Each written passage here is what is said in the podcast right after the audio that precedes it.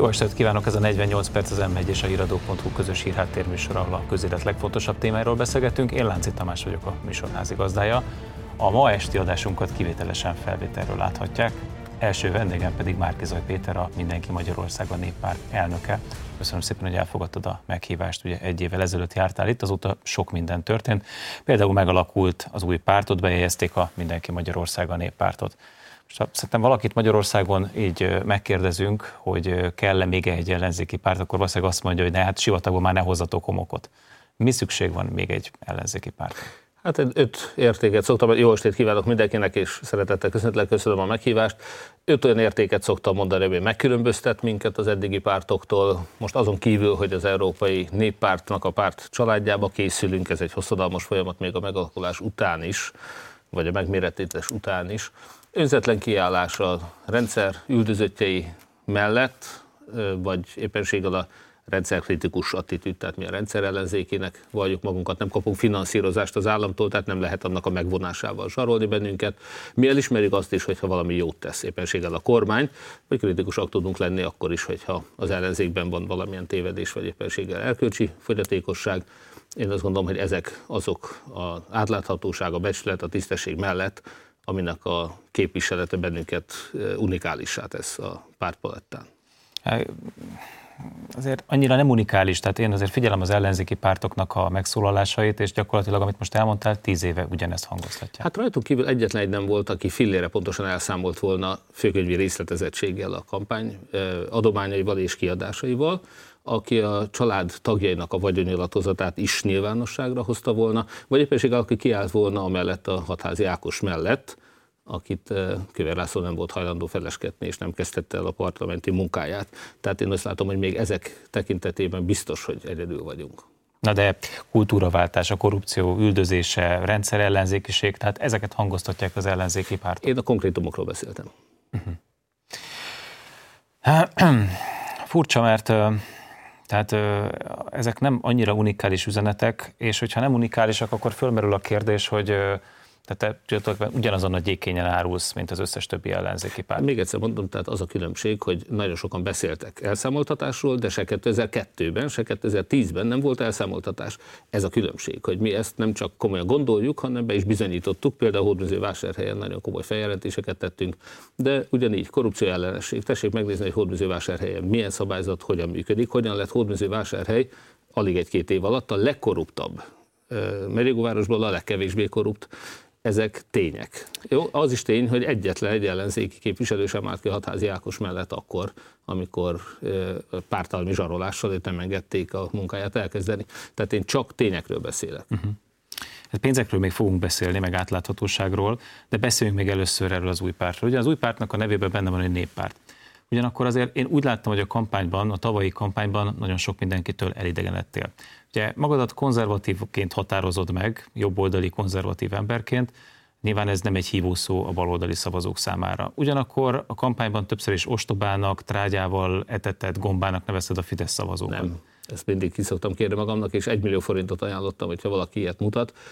Nem, föl, tudom, föl tudom olvasni, de nem akartam föl, belemenni. Nyugodtan, nem, nem kell belemenni. Tehát az a lényeg, hogy én, tehát hát, Lázár Jánostól már tudjuk, hogy a Fideszben is vannak hülyék, de nyilvánvalóan én nem erre utaltam, hanem azt mondtam, hogy az, aki elhiszi azt, hogy például a Fidesz az bevándorlás ellenes, azt én ostobának tartom, hiszen a Fidesz számtalanszor bebizonyította a legutóbb embercsempészek százainak szabadon bocsátásával, hogy egyáltalán nem migráció ellenes, vagy éppenséggel az akkumulátorokba, akkumulátorgyárokba behozott külföldi munkásokkal, hódmezővásárhelyen is indonéz munkások vannak, ha jól tudom, 56 ezer migráns munkaerőt terveznek Debrecenbe behozni, migrás kötvényeket árult a Fidesz, és ebből 150 milliárdos gazdagodásra tettek szert, Rendben. nem bevándorlás ellenes, és én erre mondtam, hogy aki elhiszi, hogy a Fidesz bevándorlás ellenes, na az tényleg ostoba. Jó, tehát akkor megismételted. A kérdés az, hogy akkor honnan lesznek szavazóid? A néppárt az az európai Unió parlamentjének a legnagyobb pártcsaládja. Nem azt kérdezem, hogy kihez szeretnél majd csatlakozni? Nem, Tamás, tehát azért nagyon fontos, mert a kérdésedbe te ellentétet véltél felfedezni. Abban, hogy a mi nevünkben ott van a néppárt, ugyanakkor mi nem árulunk egy gyékényen, több más párttal együtt. A néppártiság ebben az értelemben az egy egészen konkrét pártcsaládot jelent, annak az értékeiben persze megvan a kereszténység, a konzervatizmus mellett a liberalizmus és a zöld értékek is, ez egy jobb-közép pártcsalád, erre utal a név. Ez nem azt jelenti, hogy ez egy nagy számosságú, nagy erő, és egyáltalán nem azt jelenti, hogy minden más párttal minden kérdésben egyetért. Hm. A kérdésre tovább is, továbbra is azért várom a választ. Tehát, hogyha a baloldali szavazók azok nem benne találják meg az ő érdeke, értékeiknek a képviseletét, vagy képviselőjét. A fideszesekről nem vagy jó vélemények, korruptak, meg mindenféle negatív jelzőket. Tehát akkor honnan, honnan jönnek a szavazók? A Fideszről tehát, nem vagyok jó véleménye. Hát a Fidesz szavazóiról, tehát, hogy nem a Fidesz szavazóiról. Fidesz, ezt a, hát én Fidesz szavazó voltam, Tamás. Rendben. Nagyon hosszú. Ezt, Fidesz ezt, voltam. ezt is el szoktad mondani. Bot Péter Ákos, Molnár Robert, és sorolhatnám még, biztos vagyok benne, hogy nagyon sokan a mi pártunkban, a mozgalmunkban is, és a közéletben is, nagyon sokan szavaztak már valaha a Fideszre, és most nem hajlandóak egy migránsbetelepítő, aberrált, korrupt, stb. pártra szavazni. Ezek az emberek igenis a pártról, potenciális szavazói. Nem a szavazóiról uh, nyilvánított ez többször az, véleményt. Nem, soha, bocsánat, tehát ez legfontosabb, uh-huh. hogy a pártról szoktam véleményt nyilvánítani, szavazóiról csak annyiban, amennyiben elhiszik azt, hogy például... Agymosottnak nevezted őket. Nem mondtam ilyet, bocsánat. Azt mondtam, nem, de Tamás, tényleg, nem menjünk ebbe bele, ezt egy évvel ezelőtt már megbeszéltük. Egy, aktivistát, egy aktivistáról Úgy beszéltél, van, egy elmondta, elmondta, így van. Jó, tehát, tehát az, bocsánat, gondolom azért idézted, mert hogy nem, azonosulsz a véleménye. Elnézést kérek, Orbán Viktort is szoktam idézni, és egyáltalán nem jelenti, hogy azonosulok a véleményével. Értem. Tehát akkor ezek a, tehát felolvassam konkrétan ezeket az időszakokat? Felolvashatod, de ezzel nagyon fölöslegesen töltjük az időt. Még egy millió forintot is felajánlottam, hogyha bárki például bemutatja azt, hogy valahol olyat mondtam, hogy bezárnánk kórházakat. Fidesz egyébként azóta bezárta. Nem mondtunk ilyet. Nem mondtam ilyet, senki nem tudta bebizonyítani. Nem. Tehát én nem, még egyszer mondom, nem. Egyetlen soha nem mondtam, hogy Fidesz összes szavazói ostoba. Lázár János elmondta, hogy vannak a Fideszben hülyék. Igen. Én csak pusztán azt mondtam, hogy aki elhiszi, hogy bevándorlás, na az ostoba. Ilyet mondtam. Igen, ezt vállalom. Azt mondja, e, például bocsánat, a keresztény fejtős megoldás, és tessék elképzelni, hogy küldtek nekem, ez a vidéki Fidesz szavazó küldött nekem egy teljesen megfejtett keresztelejtmény újságot, tehát fantasztikus, ez a szegény asszony, lehet, hogy egyébként asszony, nem tudom, a helyesírása alapján gondolom csak. Ez, ez De is egy ez, furcsa, egy, ezt tisztáztam utána, hogy Aztán azt mondod, nyelvbótlás volt, Tamás, akkor is Ezzel elmondtam. meg lehet nyerni egy választást, mármint a migrációval, amíg az emberek sötétben, amíg az embereket sötétben tartjuk és trágyába letetjük, ahogy mondják Amerikában, úgy tartanak, mint egy gombát. Most én értem, hogy ezek a mondatok számodra kellemetlenné De ebbe, Tamás, ebbe sehol nem tud nyelvtanilag levezetni, hogy ez az összes Fidesz szavazót minősítette volna. Ez a Fidesz minősítette, aki így tartja a szavazóit.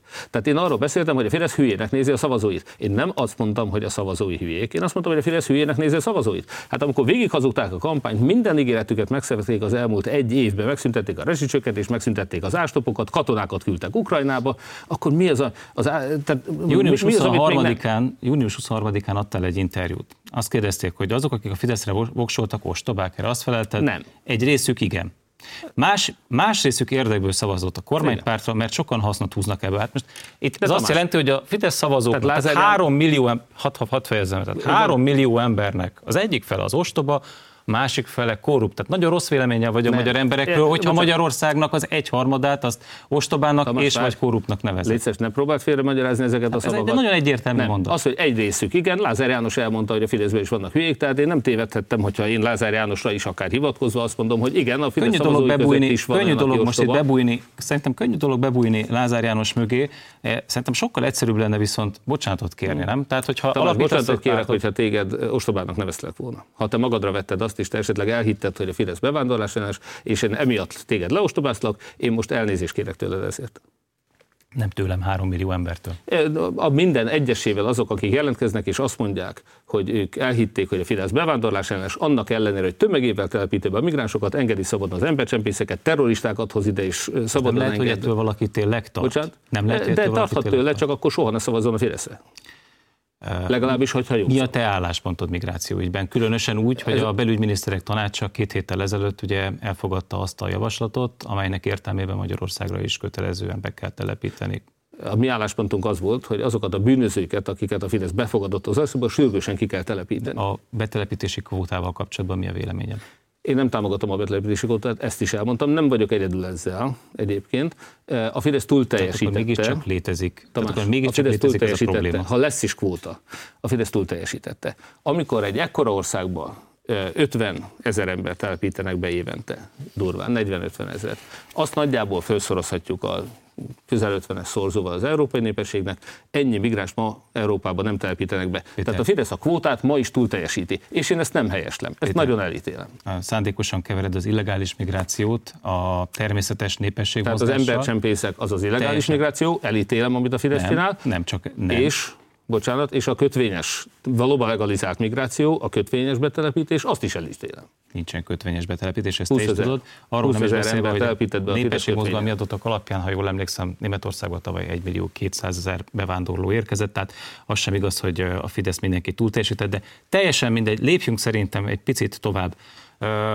Volt egy mozgalmad, a Mindenki Magyarországa mozgalom ugye, amiből a párt alakult. Ugyanakkor a, nem, azok, nem, akik... nem, bocsánat, csak a tényleg megmaradt a mozgalom, és mi indítottunk egy pártot. Ugyanakkor akik a mozgalmat szervezték, azok nagyon sokan megpróbáltak téged lebeszélni a pártalapításról, és ha jól értem, de lehet, hogy ki fogsz javítani, uh-huh. faképnél hagytak. Nem, teljesen természetes, igen, tehát elváltak az útjaink. Ennek mi az oka? Elváltak az útjaink. Ők mást ö, láttak, nyilván én egy ígéretet tettem, és ezt az ígéretet teljesítettem most. Azzal már a választás előtt megígértem, hogy fogunk alapítani egy ilyen pártot, és ezt megalakítottuk. Uh-huh. Yeah. Ma voltál Fidesz szavazó. Bocsánat, még annyit te Igen? segítségül szeretném elmondani. A Mindenki Magyarországon mozgalom, amikor létrejött 2019-ben, 18 végén, 19-ben, de az ászlóbontás 19 tavaszán, akkor a teljes ellenzéki összefogást, később a 106 körzetben az előválasztást, egy közös program megalkotását, 20 ezer szavazatszámlálónak a rekrutálását, és a többi, és a többi. Ezeket a célokat tűzte ki, ez volt az akkori recept ehhez akkor a mozgalmunkban nagyon sok párt ember csatlakozott, vagy bizonyos pártoknak a szimpatizánsai, hiszen mi akkor a pártok és a civilek összefogását hirdettük. Ne lepődjünk meg azon, hogy azok, akik más pártoknak, a szimp meglévő pártoknak, ellenzéki pártoknak a szimpatizánsai, ráadásul egy elveszített választás után, azok nem támogatják azt, hogy a Mindenki Magyarországon mozgalom más tagjai viszont egy új párt alapítását jelentik be. Tehát mondjuk... De Lukácsi em... Katalin milyen pártnak volt a tagja? Hát azt nem tudom, legújabb a féle sajtónak dolgozott például. De ezzel együtt, azt nem állítom, hogy ő ezzel a féle pártnak a szimpatizánsa, vagy a fizetett ember lenne, de ő nem így képzelte el a jövőt. Voltak olyan például, DK szimpatizánsok az MMM-en belül, nyilvánvalóan nem fogják támogatni, hogy mi egy jobb-közép európai néppárthoz uh-huh. csatlakozó pártot indítsunk. Na most hogy mondjam, az amerikai filmekben a magányos hős szerepe nagyon szimpatikus, ugyanakkor a politikában a magányos hős az inkább csak gyengének tűnik. Uh-huh. Tehát van ilyen, aki magát Street Fighternek, utcai harcosnak nevezés miniszterelnök. Arra akarok utalni, hogy voltál Fidesz szavazó, aztán utána egy ellenzéki összefogás élén álltál, most pedig van egy pártod, és nem nagyon látszik melletted egy szövetségesi rendszer. Nem is ma a magyar politikában sajnos a szövetségesi rendszernek nincs jelentősége. Az önkormányzati választáson kell helyi, civil, vagy civil és pártos, de mindenképpen lokálpatrióta összefogás. Egy európai parlamenti választáson az összefogásnak minimális jelentősége van.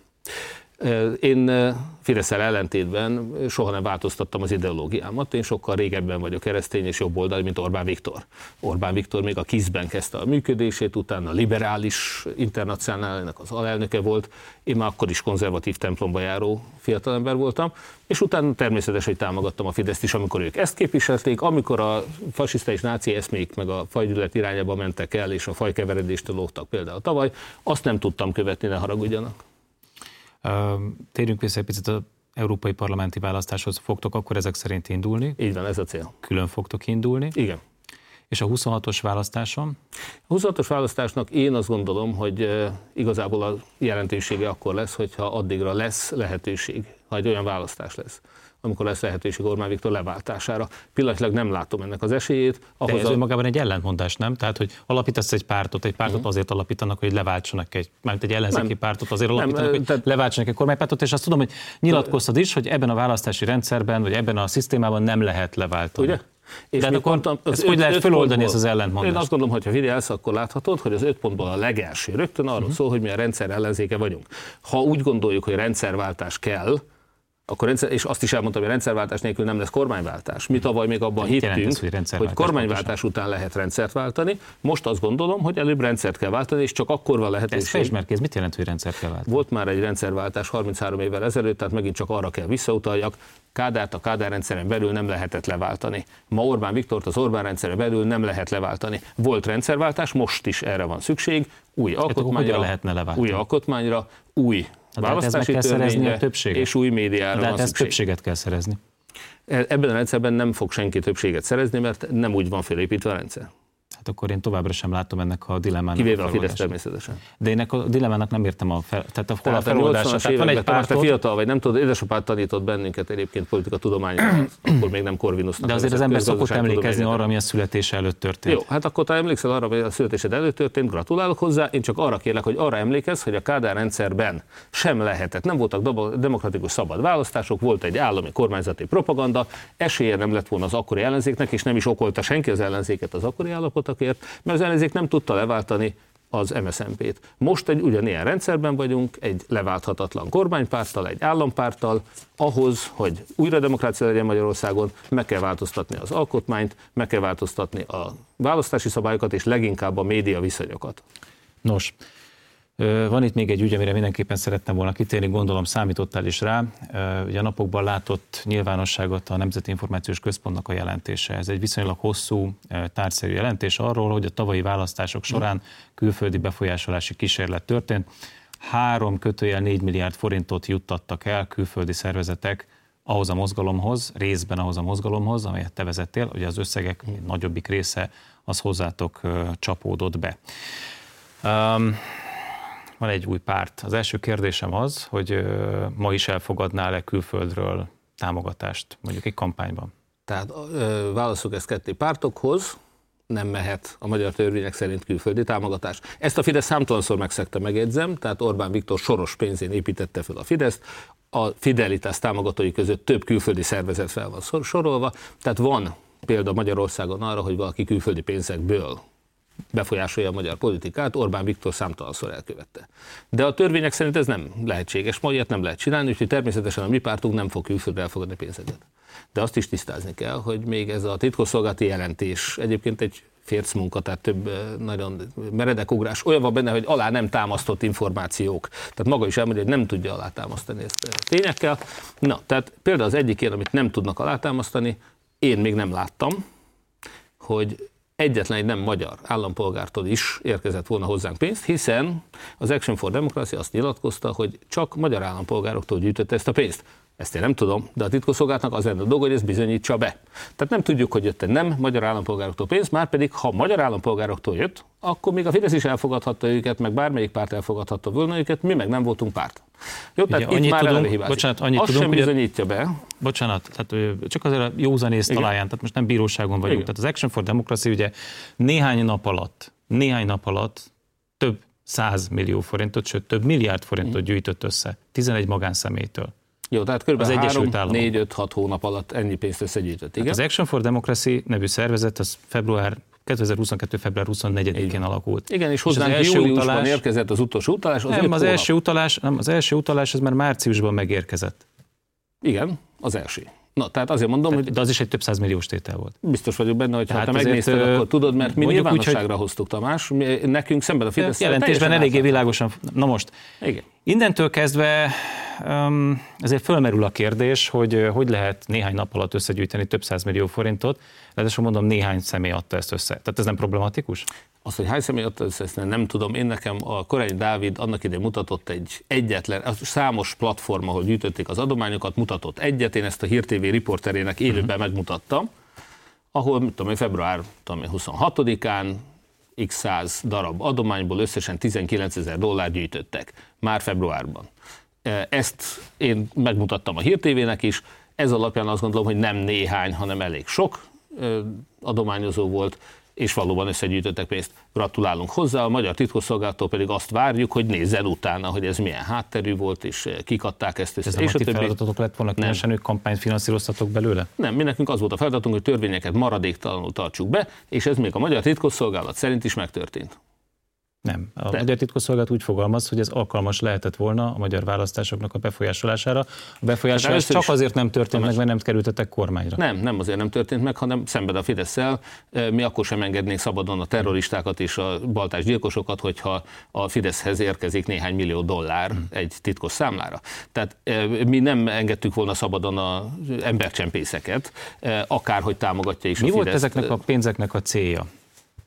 A cél, fél, bocsánat, tehát azok a magyar állampolgárok, egyelőre titkosszolgálat sem mondja, hogy egyetlen nem magyar állampolgártól is jött volna egy fél se, és nem került a pártokhoz, és ezt szeretném leszögezni. Ezeknek a pénzeknek, a támogatásoknak a célja az volt, hogy megdőtsük Magyarország ezer éves történelmének legkorruptabb kormányát, amely migráns betelepítéssel foglalkozik, meg háború Tehát párti, hiszen katonákat, kata, a magyar kormány, finanszírozásra használtátok. Nekünk volt egy önálló kampányunk.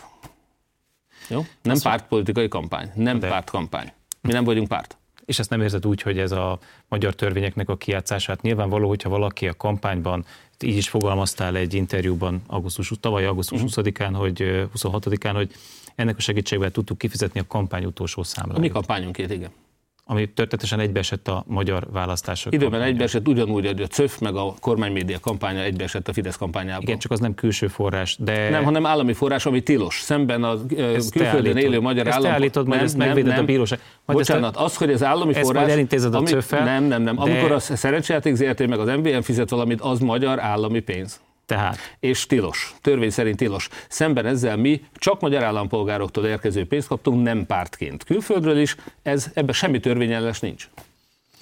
Én pedig úgy érzem, hogy ez kifejezetten a magyar szabályoknak, a magyar szabályozásnak a megkerülése, hiszen azért mégiscsak a a pártfinanszírozási törvény eléggé világosan fogalmaz. Tehát, Így van, és mi jogi, jogi szervezetektől sem lehet elfogadni. És én úgy de, látom, hogy ezt... de nem fogadtunk el, Tamás. A titkosszolgálat jelentése állítja egyetlen pontos sem, hogy mi bárhol törvényt sértettünk volna. Hát önmagában az, hogy ti elfogadtátok, valóban nem, de az, hogy utána ez ebből pártkampány lett, de nem ez önmagában azért fölvet nem. kérdéseket. Ugye itt azt állították hazug módon, hogy ez a pénz pártokhoz került. A titkos szolgálat sem talált egyetlen fillért se, ami ebből a pártokhoz került volna.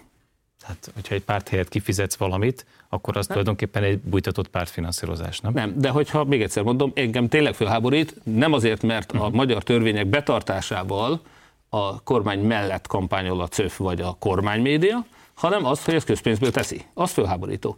Azt, amit egy CÖF megtesz, hogy egy eh, ugye, ilyen eh, gyurcsánybábos eh, kampányt folytat például, ki meri azt mondani, hogy ez nem a Fidesz érdekében van?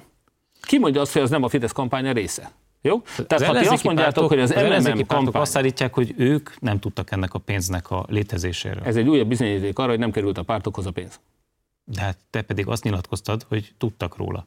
Eh, bocsánat, válaszok ketté. Az MMM kampányáról tudtak a pártok, arról, hogy külföldről honnan, milyen magyar eh, szervezetek, emberek, stb. támogattak minket, az Action for Democracy és annak a donorai, erről nem is kellett, hogy tudjanak a pártok, hiszen ehhez semmi közük nem volt. Éppen azért, még egyszer mondom, mert hozzájuk nem is kerülhetett ebből a pénzből. Hmm. Jó? A, ők azt tudták, és ez a legfontosabb, ők ott voltak, a, én velem ellentétben, aki az országot jártam és kampányoltam, a pártok képviselői ott voltak a kampányközpontban, és vigyáztak arra, hogy véletlen se lehessen semmilyen pártköltést kifizetni az MMM számára, hiszen az tiltott pártfinanszírozás lenne, és ezt minden, még én is tudom, pedig nem is volt pártom ugye akkoriban, hogy ha tiltott pártfinanszírozást gyanítanak, vagy bizonyítanak be Magyarországon, akkor annak a büntetését a pártok fizetik. A pártok a saját érdekükben ellenőrizték az MMM kampányát, hogy semmiképpen meg se valósulhasson tiltott pártfinanszírozás. Az ász jelentést azt már láttad? Láttam. Ami nyilvános belőle, én föl vagyok háborodva egyébként, ki van, nem tudom, 5 6 oda ki van feketítve. Miért nem nyilvános az, az egész? Az... Ja, bocsánat, az a titkosszolgálati jelentés, azt láttam. Az ászjelentés nem, bocsánat. Uh-huh. Igen. Jó, arról majd egy legközelebbi alkalommal fogunk beszélni. Nagyon Én az ÁSZ vezetőinek is jeleztem, már kicsit föl vagyok, meg vagyok bántva, hogy a pártokat meghallgatják, engem nem. Miért nem hívva az ÁSZ, hogyha erről akar kérdezni? Most egy rövid szünetet tartunk. Neked köszönöm szépen, hogy itt voltál. Egy hírek után a beszélgetést folytatjuk Robert C. Castellel és Kostur Andrással, illetve az orosz-ukrán helyzetről. Tartsanak velünk a második részben is.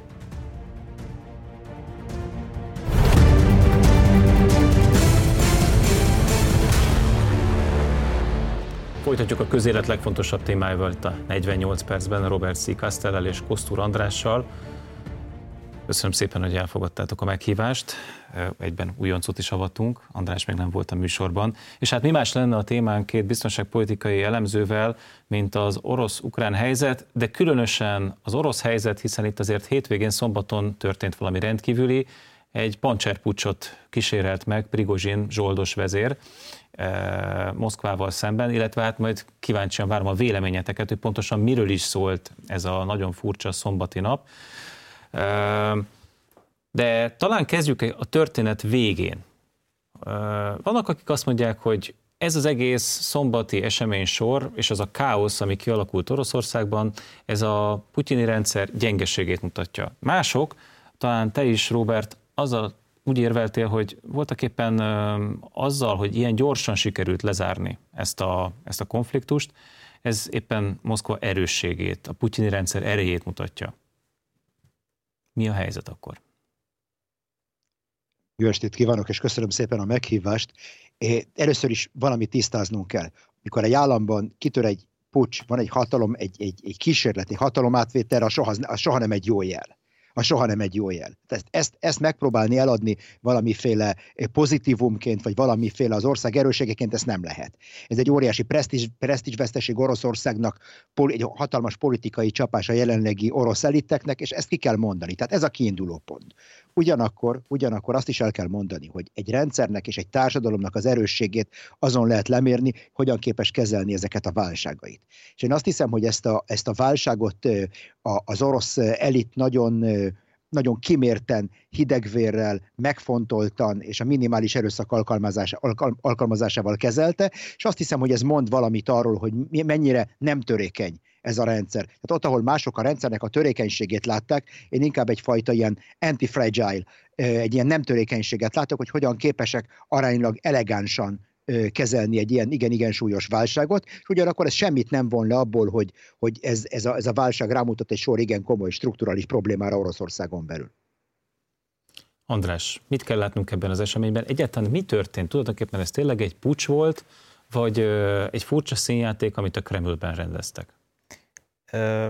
Én nem igazán hiszek abban, hogy itt valamiféle színjáték lett volna ez az egész. Én úgy gondolom, hogy a konfliktus az mindenféleképpen valódi volt.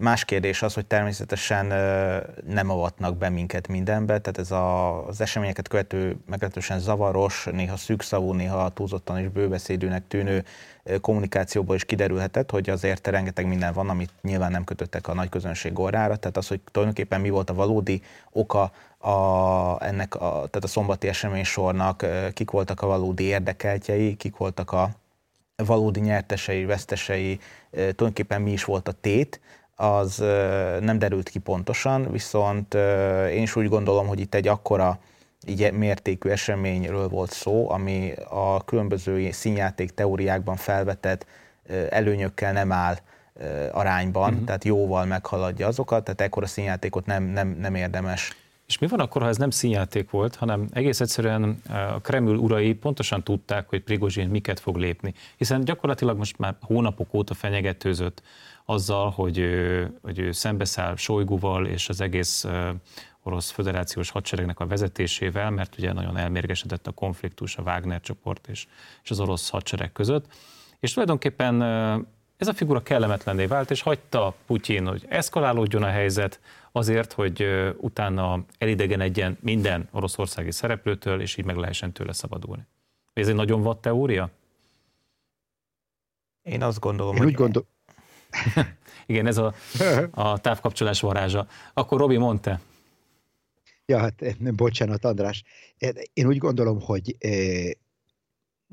hogy igen, igen valószínű, hogy, hogy Prigozsin úrnak az összes lépését, a hozzá, hozzá közel álló köröknek az összes lépését, az összes mozdulatát igen jól igen jól lefették az orosz szolgálatok, már csak azon fogva is, mert egy, tudták azt, hogy milyen, mennyire, egy, egyre fokozza ezt a, ezt a crescendót, ezt, a, ezt az igen hangos kritikát az orosz állam különböző intézményei ellen, és nyilvánvaló, hogy ebben egyfajta diszlojalitást is láttak, nem csak egyfajta ilyen jópofa kritikát, egy ilyen Hofi Gézaféle jópofa kritikát, vagy a feszültségek levezetésére szolgáló villámhárítót, tehát láttak ebbe egyfajta, egy egyre növekvő elégedetlenséget, az eszközei is megvoltak nem csak az indulat meg a szándék, az eszköze is megvoltak arra, hogy bajt, bajt okozzon. Én azt hiszem, hogy valamilyen szinten eh, biztos le volt fedve hírszerzésileg. A kérdés az, hogy mely, milyen volt a minőség ennek a hírszerzési lefedésnek, és azt is meg kell említeni, és ez itt az utolsó gondolat, hogy az, hogy tudok valamit, az egy dolog. Az, hogy tudok cselekedni valamit, tehát valamit tudok kezdeni, és ebben az egy teljesen más dolog.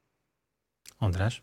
Igen, tehát valószínűleg azért sejthették, hogy ebből a problémából baj lehet, hogyha abból indulunk ki, amit Prigozsin maga mondott, hogy megpróbálták volna el lehet le lehetetleníteni a Wagner, tehát elvágni valamilyen módon a pénzügyi forrásaitól, akkor valószínűleg ez éppen arra irányult volna, hogy ezt a problémát, ami, amit Prigozsin jelentett, kiiktassák az orosz politikai térből, és a Prigozsin tulajdonképpen, hogyha hiszünk neki, akkor tulajdonképpen ezt a kísérletet próbálta megakadályozni az, hogy az események elé ment. Ő ugye azt állítja, hogy július 1-ével számolták volna fel a Wagnert, míg június 30-án tervezte azt, hogy demonstratíve Rostovba vonul, ahol leadják a, a Wagneresek a fegyvereiket. Elképzelhető, hogy ezt akarták valamilyen módon megakadályozni a Védelmi Minisztérium részéről, és ebből ebb, ez torkolott abba, ami történt. Ugye ma már egy olyan teória is felmerült a a, a nyugati sajtóba, hogy az lett volna Prigozsin célja, hogy még Rostovban elfogja, tehát egy váratlan lépéssel Sojgut és Gerasimovot, ami nyilvánvalóan picit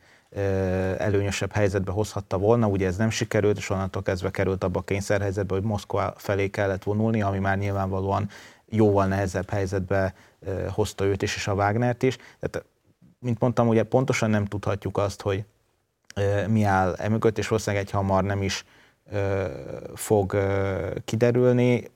Tényleg az is egy érdekes kérdés, hogy miért hagyták idáig fajulni az eseményeket, hiszen ugye tényleg, ha őszinteként feltételezzük Prigozsin, tehát azt, hogy ez a konfliktus, ami az elmúlt hónapokban történt, valós volt, akkor nyilvánvalóan látható volt az a fajta növekedés, az az eszkaláció, ami történt. Másrésztről viszont azt is látjuk, hogy idővel folyamatosan szakadtak le a potenciális szövetségesek Prigozsinról. Ugye első sorban, e, elsőként Kadirov, Ramzan Kadirov esett ki mellőle, aki már pár héttel ezelőtt egy picit szembefordult vele, és amikor elkezdődött a, a szombati eseménysor, akkor még péntek éjszaka ugye Szergej Szurovikin tábornok volt az, aki nemet mondott a Prigozsin törekvéseire, aztán másnap pedig egy másik Prigozsinhoz szintén közel álló személy, Szergej Aksionov krimi kormányzó is elhatárolódott tőle, tehát, és az elnök álláspontja mellé állt, tehát látszik az, hogy kiestek mellőle hamar a, a szövetségesek, ez is egy van egy, bocsánat, van, van egy másik dimenziója ennek. Oroszországban azért nem példanélküli, az orosz történelemben úgy értem, nem példanélküli, hogy valakik megpróbálnak fegyveresen pucsot szervezni, de ami az olyan pucsok mögött, amelyek mögött nincsen politikai hátország, azok, azok, azok általában mindig elbuktak. Tehát itt Pugacsovtól elkezdve lehetne hosszan neveket sorolni, nem akarom mutatni a nézőket. Tehát mégiscsak mi volt a terv? Tehát mm, politikai hátország nélkül vajon mit, tehát hogy hogyan lehetett volna egyáltalán sikeresen megvívni ezt a, ezt a harcot? Itt talán két opció van. Az egyik az, hogy Prigozsin elszámította magát, amit uh-huh. ugye Putyin kapcsán nagyon sokszor hallottuk ezt a mondatot tavaly, tehát hogyha egyszerűen rosszul mérte fel az ereit, rosszul mérte fel azt, hogy hányan fogják támogatni a, a rendszeren belüli fontos szereplők közül, tehát ez is egy opció, nem lenne mhm. egyedi a történelemben, hogy valaki így belefut egy kudarcba. A másik opció pedig az, amit ugye említettem, hogy mivel nem tudjuk, hogy mi volt a valódi cél, ezért nem tudjuk annak megfelelően értékelni az esemény sors, esemény sors sem. Tehát az biztos, hogy nem a hatalom megdöntése volt a cél, még az sem biztos, hogy a Védelmi Minisztérium vezetőinek a leváltása volt a cél. Tehát lehet, hogy egyébként olyan céljai voltak ennek a pucsként elhíresült valaminek, amiket egyébként elért. Csak mi nem tudunk róla, ebben nem avatnak be minket. Lehetnek ennek anyagi vonzatai is, tehát a különböző üzleti érdekeltségeknek az elosztásáért folytatott küzdelem, ami a háttérben maradt, és erről mi nem fogunk valószínűleg szintén túl sok mindent megtudni. Ha ilyen okai voltak, akkor lehetett akár sikeres is, vagy ugyanúgy elbukhatott ez a kísérlet, de ez az, ami, ami így a homályban marad. Robi, van ehhez hozzáfűzni valód?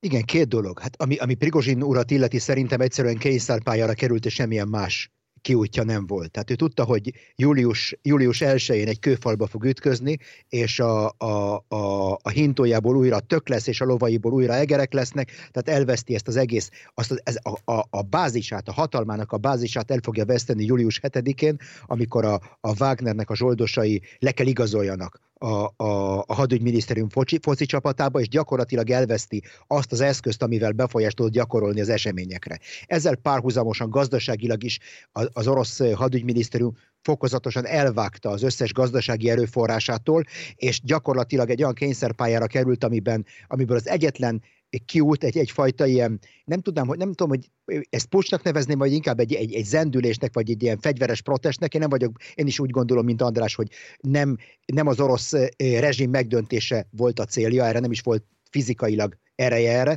inkább egy ilyen, egy ilyen zendülésnek, egy ilyen protestnek látnám ezt a dolgot. Uh-huh. Ami pedig a történelmi tapasztalatot illeti, és ez itt a második gondolat, mit látunk, hogyha megvizsgáljuk azt a 931, ha jól emlékszek, pucsot meg pucskísérletet, ami az utóbb 1945 óta történt.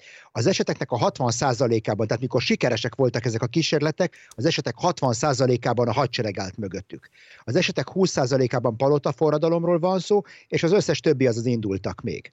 Tehát én azt hiszem, hogy Prigozsin is tisztában volt avval, hogy az esély annak, hogy, hogy, hogy ő integesen másnap reggel a Kremlnek a, a, az, elke, az erkélyéről, az esély ennek elenyésző. Elenyésző. Az esély egyszerűen nem volt más választása. Ugyanakkor van olyan magyar elemző, Rácz András például úgy látja, hogy ennek a esemény sorozatnak tulajdonképpen lesz politikai következménye, a jövőre esedékes orosz elnök választás szerinte innentől kezdve nyílt. Tehát Putyin hatalma megrendült. Ez egy igen-igen jó kérdés. Én azt hiszem, hogy a, a, a, én nem vagy, először is el kell mondani ezt, hogy nem vagyok Oroszország szakértő. Rácz András Oroszország szakértő, és biztos jobban ismeri a, a, az Oroszországnak a belső működését. Amit én tapasztaltam a egyéb pucsokat és egyéb eh, hasonló eseményeket követve a világ különböző pontjain, én azt látom, hogy amitől a lakosság ösztönösen borzad, az a, az a káosz az a káosz, és ez igaz Oroszországra, igaz Egyiptomra, igaz Szíriára, igaz egy sor más országra is. És lehet, hogy paradox módon pont ez a pucskísérlet volt az, amelyik ráébresztette a lakosságot arra, hogy mi történhet a jelenlegi elit nélkül, vagy Putyin nélkül, és a Putyint körülvevő elit nélkül. Tehát én azt hiszem, hogy ez mind a, mind a két irányban elsülhet ez a dolog, és én azt hiszem, hogy az elnökválasztási kampány az, az, az gyakorlatilag, főleg ezekben az államokban, ahol nincs egy, egy teljesen rendezett mechanizmus arra, hogy hogyan, hogyan cserélünk, hogyan vált, vált, vált a, váltunk hatalmat, láttuk 93-ban is, a, a, ez mindig nyitott, ezek a dolgok mindig nyitottak. Alapvetően egyetértek Roberttel, tehát tény, hogy a lakosság szemében most úgy merült fel a választás tétje, hogy vagy Putyin, vagy a káosz és a polgárháborús állapotok, ami nyilvánvalóan egyfajta plusz legitimációt ad a jelenlegi hatalomnak. Más kérdés, hogy nyilván Putyin tekintélye az elmúlt másfél év eseményeit valamelyest megszenvedte, tehát az a fajta nimbus, ami kialakult körülötte, a, aki, tehát a, aki alapvetően minden különböző konfliktusból mindig sikeresen jön ki, és a, az akaratát érvényesíteni tudja, az valamelyest megkopott, tehát nyilvánvalóan a várakozásokhoz képest legalábbis lassabban halad Oroszország a tervei megvalósítása felé, és sokan kételkednek is ugye abban, hogy, hogy ténylegesen el tudja érni a céljait. Ugye Ugye ennek mi lesz a végkimenetele, azt még nem tudhatjuk, és nem is biztos, hogy például az elnökválasztásokig megtudjuk, így ez a bizonytalansági tényező, ez ott marad Putyin mögött. Egy picit ugye ez a pucs kísérlet, vagy amit én is inkább zendülésnek neveznék, hogyha tehát mindenféleképpen pontosabb fogalom, ha ez a zendülés kísérlet is nyilván a tekintén rombol, attól függetlenül viszont pragmatikus szempontok alapján még mindig ő az, aki az orosz társadalom és az orosz elitek számára is az egyetlen alternatíva jelenleg. Vele szemben pont Prigozsin lehetett volna az, aki a népkörében valamelyest tekintéllyel is bír, és hatalmi pozíciója is van, de most ő ebből a játékból kiesett, más reális alternatíva pedig nincs. Az a Putyin körüli elitek kétséges, hogy fel tudnának-e építeni most hirtelen jövő évig egyfajta jelöltet valamiféle versengő választásokra, tehát ez szinte kizárt, és palota forradalomra sem feltétlenül kell számítani, hiszen az ismét elszabadítaná azokat az erőket. Tehát most nyilván kiiktatták úgymond Prigozsint, de valójában csak bezárták egy fiókba, de ez a fiók akármikor kinyílhat, és nyilvánvalóan, ha megpróbálják Putyint az útból félretenni akár a jelenlegi elitek, akkor ugyanezek a konfliktusok, amelyek tehát a másik oldal, hogyha vannak anyagi mhm. érdekkonfliktusok, hatalmi konfliktusok, van egy politikai, ideológiai, társadalmi konfliktus is a mögött, amit most láttunk szombaton. Tehát rengetegen elege, elégedetlenek ugye az orosz elitnek uh-huh. a berendezkedéssel, és ezek a társadalmi konfliktusok, ezek előjönnének abban az esetben, hogyha Putyin kikerülne a képből. Putyin ilyen szempontból összetartja, összefogja még jelenleg a rendszert, és mindenki számára jelenleg a legbiztosabb pont az orosz társadalom és az orosz eliten belül. a stabilitásnak a szimbóluma jelenleg. De ugyanakkor nyilván a jövő évi választások nem függetleníthetők attól, hogy mi fog történni a csatatéren. Jelenleg úgy látjuk, hogy a frontok eléggé meg vannak merevedve, és zajlik valami, amit nem tudunk, hogy hogyan nevezzünk. Ellentám, ukrán ellentámadásról is beszélnek, arról is, hogy tulajdonképpen ilyen tapogatózó támadások zajlanak, de ez még nem a nagy ellentámadás. Mi zajlik most tulajdonképpen Kelet-Ukrajnában? Ki támad, milyen sikerrel? Akkor kezdje Robi. Oké, okay, hát ha egy mondatba kéne összefoglalnom azt, hogy amit láttunk, az láttunk két kudarcot tulajdonképpen. Láttuk az ukránoknak a kudarcát arra, hogy hogy elérjenek egy, egy, egy komoly ellentámadást, hogy egy, egyfajta lendületet hozzanak létre, ami áttöri az orosz védelmi vonalakat, az elsőt, a másodikat, és komoly reményel kecsegtet arra, lassan egy hónapja vagyunk ebben, három hete, egy hónapja vagyunk ebben a nagy, a nagy tavaszias ellentámadásban, avval a reményel kecsegtet, hogy stratégiai csapást lehet mérni az oroszokra. Tehát ez az ukránok kudarca. Az oroszok kudarca pedig az, hogy nem sikerült egy ilyen felörlő és kifullasztó anyagcsatába belevonniuk a, a, a, az ellentámadásra félretett 12 ukrán nagy gonddal kiképzett 12 ukrán dandárt, és ezzel egy ilyen atriciós hadviseléssel felőrölni ezeket a dandárokat az orosz védelmi vonalakon. Tehát én azt hiszem, hogy mind a két fél szuboptimálisan szerepel eddig. És amit látunk, láttuk a, déli frontokon, az ukránok értek el bizonyos sikereket, náluk van a kezdeményezés, az északi frontokon látjuk az oroszokat is támadni, és amit, ami teljesen egy, egyértelműen ki kell mondani azt, hogy az ukránok még mindig a, a védelmi fedezővezetben vannak, még mindig nem érték el, talán most kezdenek közeledni csak az oroszok első védelmi vonalához, és szó sincs semmiféle az első védelmi vonal áttöréséről, meg a szilárdan a kézbetartásáról, meg a második védelmi vonalnak a támadásáról, tehát ezek a dolgok, ezekre, ezekre a dolgok még ha be, be fognak következni talán egy hónap múlva, és annak is megvan a valószínűség, hogy talán soha. Tehát én azt hiszem, hogy mind a két fél messze messze távol van még a, a, a céljaitól, amit kitűzött maga elé. Ez annyira így van egyébként, hogy a CNN oldalán június 23-án arról írtak, hogy az ukrán ellentámadás nem váltja be a reményeket, amiket ahhoz fűztek. És akkor fölmerül a kérdés, hogy egy ilyen ellentámadás, hogyha kifullad, akkor utána mi jelentheti a reményt ukrán, illetve nyugati oldalon? Tehát mi lesz az a következő, mondjuk úgy, hogy esemény, az mi lesz az a horizont, amire a tekintetet lehet függeszteni, hogy jó, hát ez most nem sikerült, de majd akkor jövő tavasszal, tehát hogy ezt a helyzetet meddig lehet így fenntartani?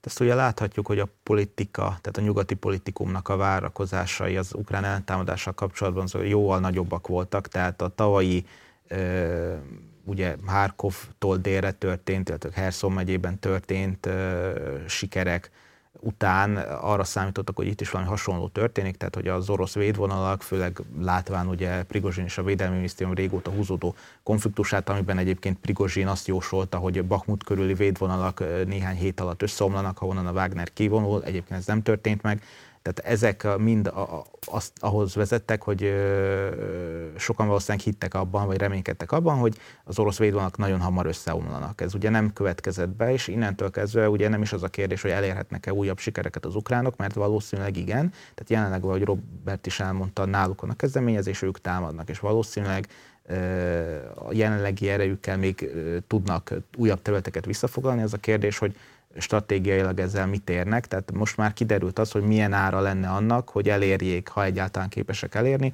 hogy elérjék az azói tengert.